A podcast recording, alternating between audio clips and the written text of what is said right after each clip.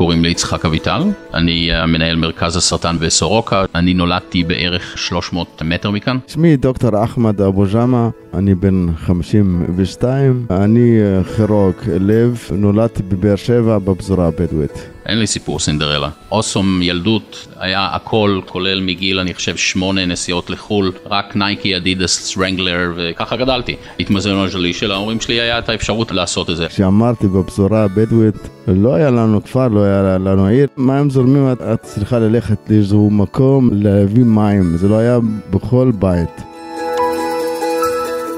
היי, hey, אני הילה וייסברג, כתבת הבריאות של גלובס, ואתם על הצוללת, הפודקאסט שבו אנחנו צוללים לעומקם של סיפורים כלכליים חברתיים בישראל. והפעם, הצוללת בחדר ניתוח. סיפורים על בריאות ועל האנשים שעושים את מערכת הבריאות בישראל. והיום אני רוצה שתכירו שני רופאים. לכאורה אין ביניהם שום קשר, אבל בעצם הם דווקא מאוד קשורים. שניהם נולדו וגדלו בישראל, אבל בשנות ה-20 שלהם נסו ללמוד רפואה בחו"ל. דוקטור אחמד אבו ג'אמה עזב לגרמניה, ופרופסור יצחק אביטל לארצות הברית. אחר כך הם השתקעו במדינות האלה והצליחו מאוד ככירורגים מעבר לים. ואז קרה להם משהו. לפני כשנתיים, כשכבר היו בעלי מוניטין ומעמד, אפילו הון מסוים, דווקא אז הם החליטו לחזור.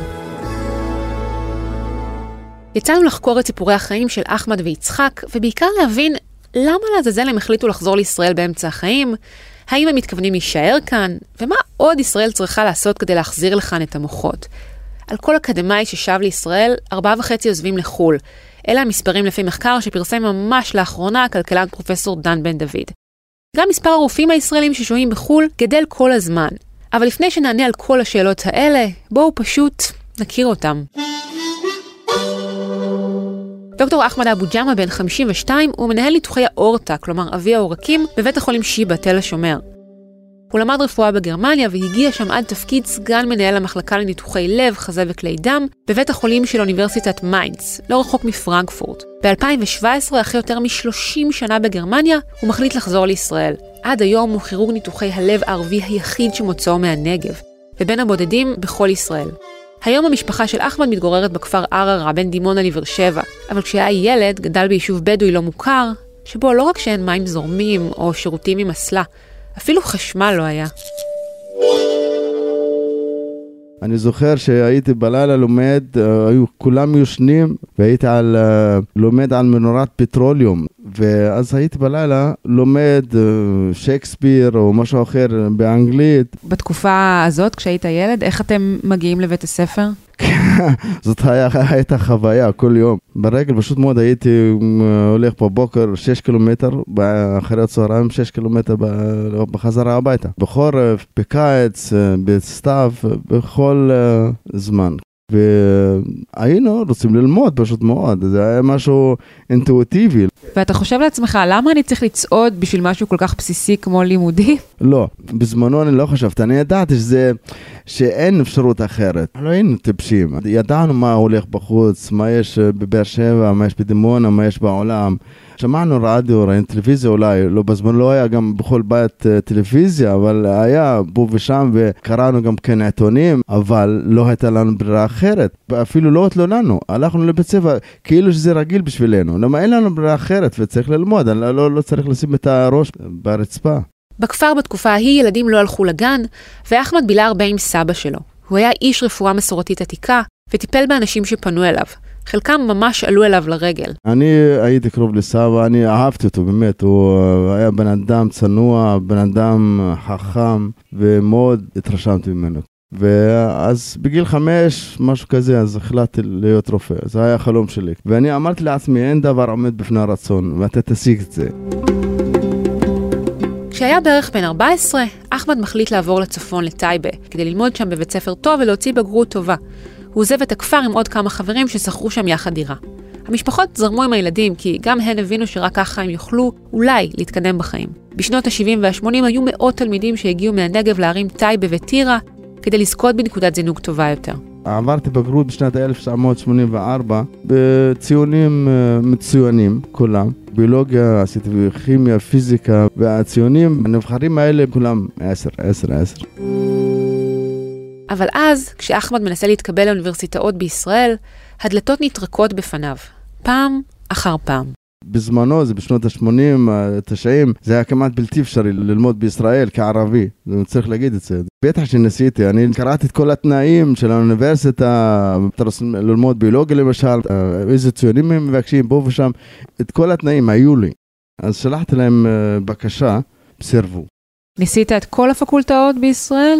ניסיתי כמה פקולטות, כן, והיה בלתי אפשרי, זה היה מובן מאליו. אני זוכר רק רופא אחד בכל הנגב שהוא למד בישראל. וזאת הייתה משפחה גדולה בישראל בזמנו בנגב, מקושרת. יכול להיות שמה שאחמד מתאר כאן זו לא אפליה שהייתה עד הסוף מכוונת, אלא משהו שנבע מכך שמועמדים ערבים לא צלחו את ראיונות הקבלה לפקולטות לרפואה, או שלא עמדו בסף הגיל שהיה לחלקן. כך או כך, הם ללא ספק נעדרו מהן. כשאחמד מבין שאין לו סיכוי ללמוד רפואה בישראל, הוא מחליט לנסות את מזלו בגרמניה. מכרים מספרים לו שבגרמניה הלימודים ברמה גבוהה והם גם לא מאוד יקרים. אז הוא עולה על מטוס, מגיש מועמדות לחמש אוניברסיטאות, ומתקבל לכולן. זאת הייתה הפעם הראשונה בחיים שלי שאני טס לחו"ל או הולך למדינה אחרת, מבאר שבע או מישראל.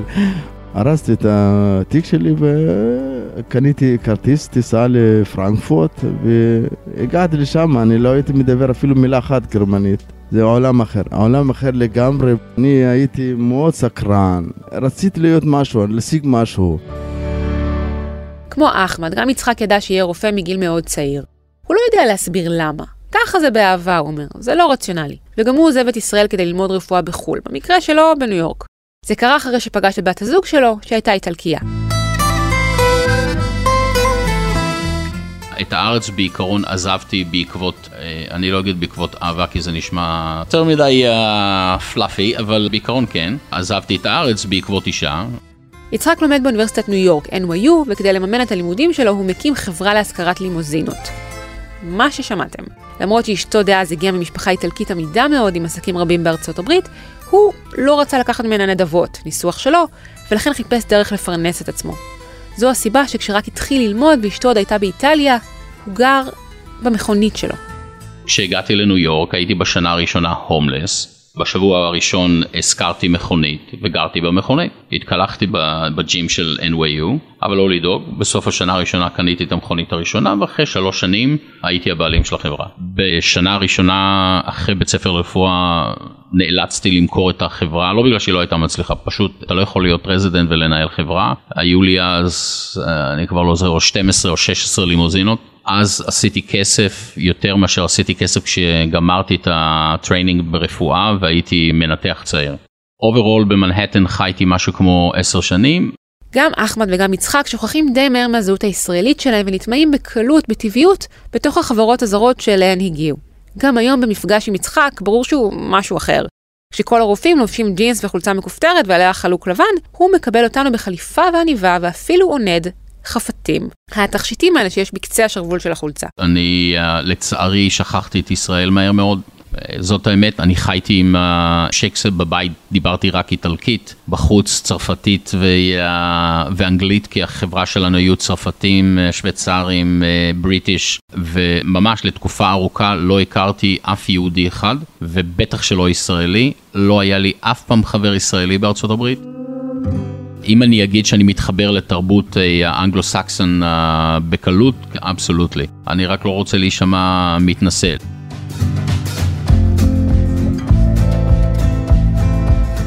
אחמד מגלה מקום שבו אף אחד לא מתייג אותו כלא שייך או פחות טוב, רק בגלל שהוא ערבי. במודע או שלא במודע, וככל שהשפה הגרמנית מתחילה להתגלגל על הלשון שלו יותר בקלות, הוא הופך להיות יותר ויותר גרמני ופחות ופחות ישראלי וערבי. הרבה גרמנים אומרים לי, אחמד, אתה יותר גרמני מהגרמנים. כל ההתנהגות שלי ואיך אני חושב ומה אני עושה זה גרמני זה אפילו יותר מהם. אני מקפיד ואני מדויק אני ישר אני כל הדברים האלו. אני ברוך השם היום אחרי כמה שנים שלטתי בשפה אני חושב בגרמנית אני יש לי כתב הכל. חולם בגרמנית? כן אז באמת אני אוהב את השפה הזו זה כמו שפת האם שלי. אני, ככה אני חושב אני מדבר הרבה יותר טוב. טוב אה, גרמנית מערבית או מעברית. עולם שם הוא עולם מסודר, עולם נקי, אה, תרבותי, יש להם אה, מנטליה אחרת, מנהגים טוב, זה עולם אחר לגמרי. הרגשת שייך? כן, כן, כן.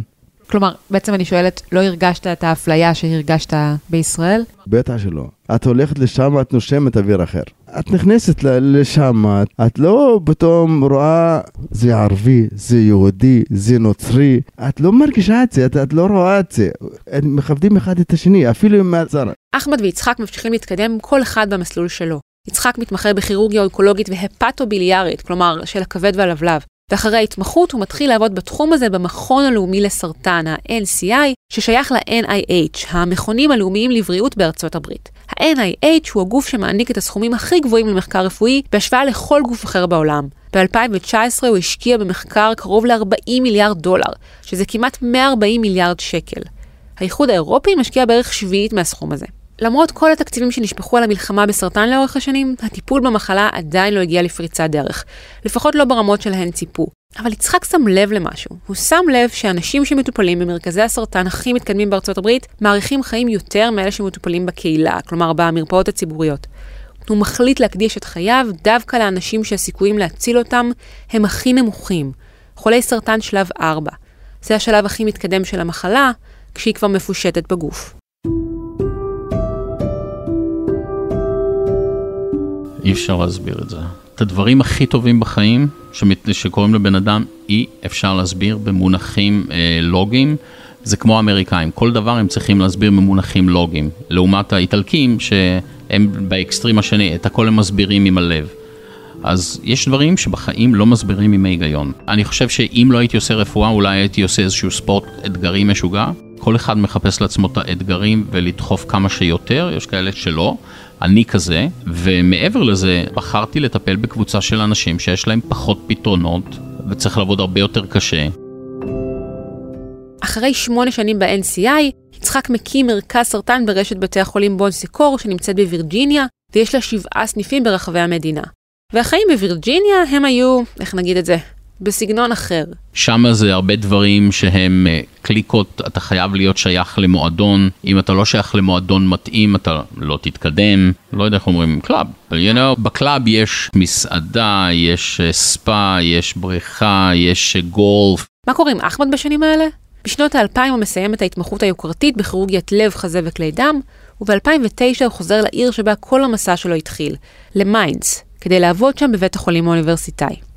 בשלב הזה הוא כבר נשוי ויש לו חמישה ילדים, שלוש בנות ושני בנים. גם השכר מכובד, לפחות 600 אלף שקל בשנה, בערך 160 אלף יורו. הוא הצליח להגשים את החלום של הילד בן החמש מהכפר הלא מוכר בנגב. להיות משהו, להיות רופא. כן, אבל אני עבדתי מאוד קשה. לפעמים משלמים גם כן מחיר לדבר הזה. בריאותי, משפחתי, אין לך הרבה זמן לבלות עם הילדים, עם האישה. אני הייתי עובד בממוצע 13 שעות ליום. הייתי עובד בלילה, קוראים לי בלילה, ביום, בשבת, שישי, ראשון. הייתי עובד המון הרבה, גם מבחינה בריאותית, כמעט וקרסתי. מה זה כמעט וקרסתי? הגיעה תקופה מסוימת שאני בכלל לא הרגשתי טוב, אז אמרתי, סטופ, צריך לשנות את זה. התחלת לעבוד קצת פחות? ניסיתי, כן.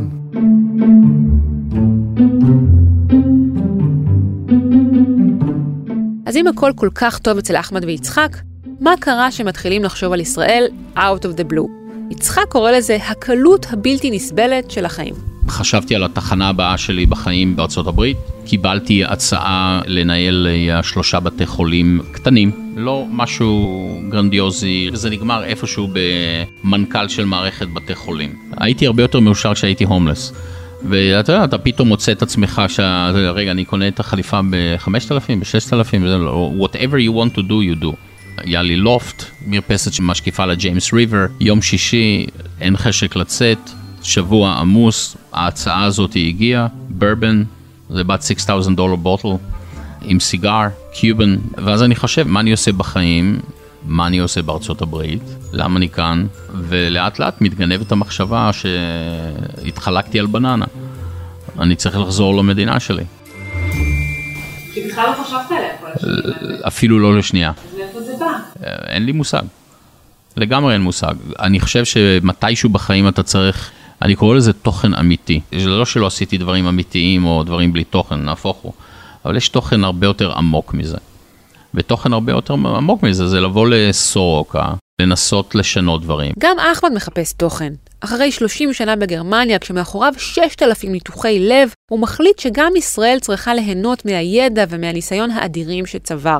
וכמו יצחק, דווקא כשהוא בשיא ההצלחה שלו וכבר מבוסס ומוערך בבית החולים, הוא מחליט לחזור לכאן, לישראל. אני לא עד הסוף מצליחה להבין מה מניע את ההחלטה הזו. ישראל היא הרי המדינה שדחתה אותו, הפלטה אותו לרעה, שאפילו חשמל או מים זורמים לא רע ממנה. אז אני שואלת אותו, למה? למה דווקא לפה? אין בתוכי שנאה, בכלל לא. אני לא עקשן, המדינה דחתה אותי, אבל לא, לא העם, לא האזרח, לא את ולא הוא. זה משהו אחר. אבל אתה רוצה לחזור לישראל כדי לשוב ולתרום אולי לקהילה שלך? לא, אני לא, לא בכלל לא, לעולם לא בראש שלי, קהילה שלי, קהילה שלך, אלא לכל העם. אני עובד פה בשיבא, תל השומר, ו-98% של החולים הם יהודים. אז איך אתה מסביר את זה? את הרצון לחזור ולתרום, בכל זאת, אתה יודע, לציבור שבאיזשהו מקום הוא ציבור אחר. זאת אומרת, אז למה לא להישאר בגרמניה? אמרתי, אני אחזור, אני אתרום לכולם, לא רק ליהודים, לערבים, אלא, אלא לכולם. אין, אין, אין בתוכי יהודי, ערבי, מוסלמי, נוסטרי. לא, אבל אני מנסה להבין מה בוער בך כל כך לחזור ולתרום דווקא לישראלים. אני לא יכול להסביר את זה, אבל אני חושב שאני מוכיח לכולם שבכל זאת, הם דחו אותי, זרקו אותי, ולא לא רצו לקבל. אני חושב שאני אמ, מוכיח לכולם, לעצמי, שאני גם כן יכול להצליח פה, ואני יכול אה, לעשות את הניתוחים הכי מסובכים שיש בישראל, ובאותו הזמן לתרום. אחמד ויצחק חוזרים לישראל לפני כשנתיים, ב-2017. אחמד לשיבא, יצחק לסורוקה. למרות שזה נראה כמו טירוף מוחלט, כולל ירידה של עשרות אחוזים בשכר, הם מרגישים שזה הדבר הנכון לעשות. הרבה ישראלים, ביניהם רופאים ששבים לישראל אחרי שנים בחו"ל, אומרים שהם עושים את זה בשביל הילדים, או כי כאן זה בית, כמו שאומר השיר שמתנגד עכשיו בלי סוף ברדיו. אבל ליצחק אין ילדים, ואחמד התחתן בשנית וחי עם שני פעוטות בישראל, כשחמשת הילדים הגדולים נשארו בגרמניה. הם לא עשו את זה בשביל הילדים. למה כן? גם להם זה לא לגמרי ברור. מה שבטוח, שניהם מאוד מאוד מתרגשים ממה שהם עושים כאן. למשל, כשאני אומרת לפרופסור יצחק אביטל שכשמטפלים בחולי סרטן שלב 4, יש לרופא פחות תקווה בהשוואה לחולי סרטן אחרים, הוא ממש לא מוכן לקבל את הביטוי הזה, פחות תקווה. את בריאה ואת רואה את החיים שלך בצורה אחרת מאשר חולה... אתן לך את הדוגמה שזה ייגע בך. אתמול היה לי אישה בגיל שלך עם ילדה אחת שצריכה ללכת לכיתה א', וילדה אחת בסביבות גיל הבת מצווה. ומה לעשות, היא הלכה לבית חולים קטן בפריפריה, והם אמרו לה, אין מה לעשות יותר. את כנראה, uh, יש לך את החודשיים, שלושה האחרונים. והיא מגיעה לבאר שבע. אז חצי שנה לאימא שרוצה לראות את הילדה מגיעה לכיתה א', זה כמו בשבילך לראות את היציאה לפנסיה. התקווה היא אחרת. הסדרי גודל האחרים, הדברים האחרים, את חושבת שלחיות עד גיל 80 זה המטרה, ובן אדם כזה חושב שאם יהיה לי עוד חצי שנה ואני אראה את הבת שלי, אני בסדר, אחרי זה אני מוכנה לעזוב את העולם בלי שום בעיה. אחמד מבצע בשיבא ניתוחים המורכבים שיש. כשאני צועדת איתו במסדרונות המחלקה שבה הוא עובד, הקולגות טופחים לו על השכם, מפטפטים איתו. נכנסים לחדרי ניתוח, ויוני היי, החולה שלנו מצוין, כן. וזה הטיפול נמרץ שלנו, מנתחים פה. זה הבחור שניתחת אותו אתמול בערב. אה, וואו, כן, כן. מה היה לו? היה לו, עבי ערוקים היה התפוצץ לו. וואו. אז מה עושים במצב כזה? מחליפים את הצינור הזה. כשהוא מתהלך במחלקה, אחמד נראה במקום שלו. הוא נראה שייך. מצד שני, החדר שלו בבית החולים כמעט ריק מתעודות או תמונות, על השולחן רק תמונה משותפת עם אשתו, וחוץ מזה, אין יותר מדי. ואז אחמד מספר לי איך לפני חצי שנה נקרא לנתח בדחיפות אישה חרדית בת 37, שבדיוק ילדה את בתה השמינית. היא סבלה מקרע במסתם הלב, הוא החליף לה את המסתם והציל את חייה.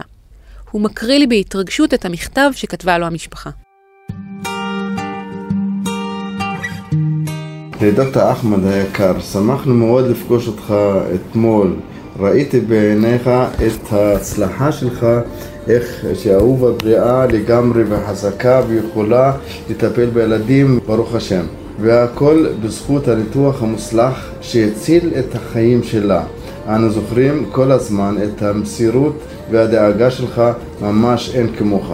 כן, זה מרגש. דווקא החרדים, באמת, עד עכשיו אני, מה שאני קיבלתי מהם זה לא יאומן. הם באים אליי, אומרים אחמד, אפשר לברך אותך, מותר לנו לברך אותך. אמרתי, כן, בטח, תברך אותי. הם יודעים שאני מוסלם וזה, והם מחבקים אותי ומדברים אותי, ולא תאמיני איך הם מגיבים. באמת, משהו לא יאומן. וזה נותן לי רגשה טובה, באמת. ועדיין מבין השניים האלה, אחמד ויצחק, יש רק אחד שהוא לגמרי מרוצה ושלם עם ההחלטה לחזור. אולי אתם יכולים לנחש. כשאתה מסתכל לאחור, אתה אומר, זו הייתה החלטה טובה, אתה שלם איתה, או שיש לך ככה מחשבות נוספות? אני לא משוכנע, לא, לא, בטח, אני, זה, זו, זאת אופציה עוד עדיין פתוחה. התאכזבת. כן, אפשר להגיד שכן. וזה חבל. חבל על מדינה כזאת יפה, בשביל מה? למה? בסיום הפגישה עם אחמד, שהוא כבר מלווה אותי למעלית, אנחנו פוגשים במקרה את גדי, נהג מונית בן 64, שעבר אצל אחמד ניתוח מעקפים באוגוסט האחרון. אחמד טוען שמעולם לא נתקל במקרה שבו אנשים לא רצו שינתח אותם כי הוא ערבי. אבל אז אנחנו שומעים מגדי סיפור מעט שונה. ביום שאתה ניתחת אותי, היה עוד מישהו שנותח, ואשתו פיליפינית. ואמרו לה שאחמד ינתח אותו. היא נלחצה, היא התחילה לצרוח, היא לא רוצה שהוא ינתח אותו, מה פתאום אחמד יש את זה. אה, הוא אמר לי שזה לא קורה. אני... ואז תפסת אותה לשיחה ודיברת איתה. אני איתה. ואמר לה, אל תדאגי, הכל יהיה בסדר וזה, ואחרי זה ענבל נשק אותו. נכון, סיפור. אחמד לא רוצה להגיד חלק מהדברים שעלו בשיחה בינינו און רקורד, אבל אתם יכולים להניח לאן הוא חותר. מדינה שבה מחוקקים חוקים כמו חוק הלאום, זו לא מדינה שלערבים נוח לחיות בה, וזה עוד ניסוח הדין. אחמד חשב, אולי קיווה, שדברים השתנו כאן לטובה בשלושים השנים האחרונות, והוא גילה, לצערו, בדיוק את ההפך.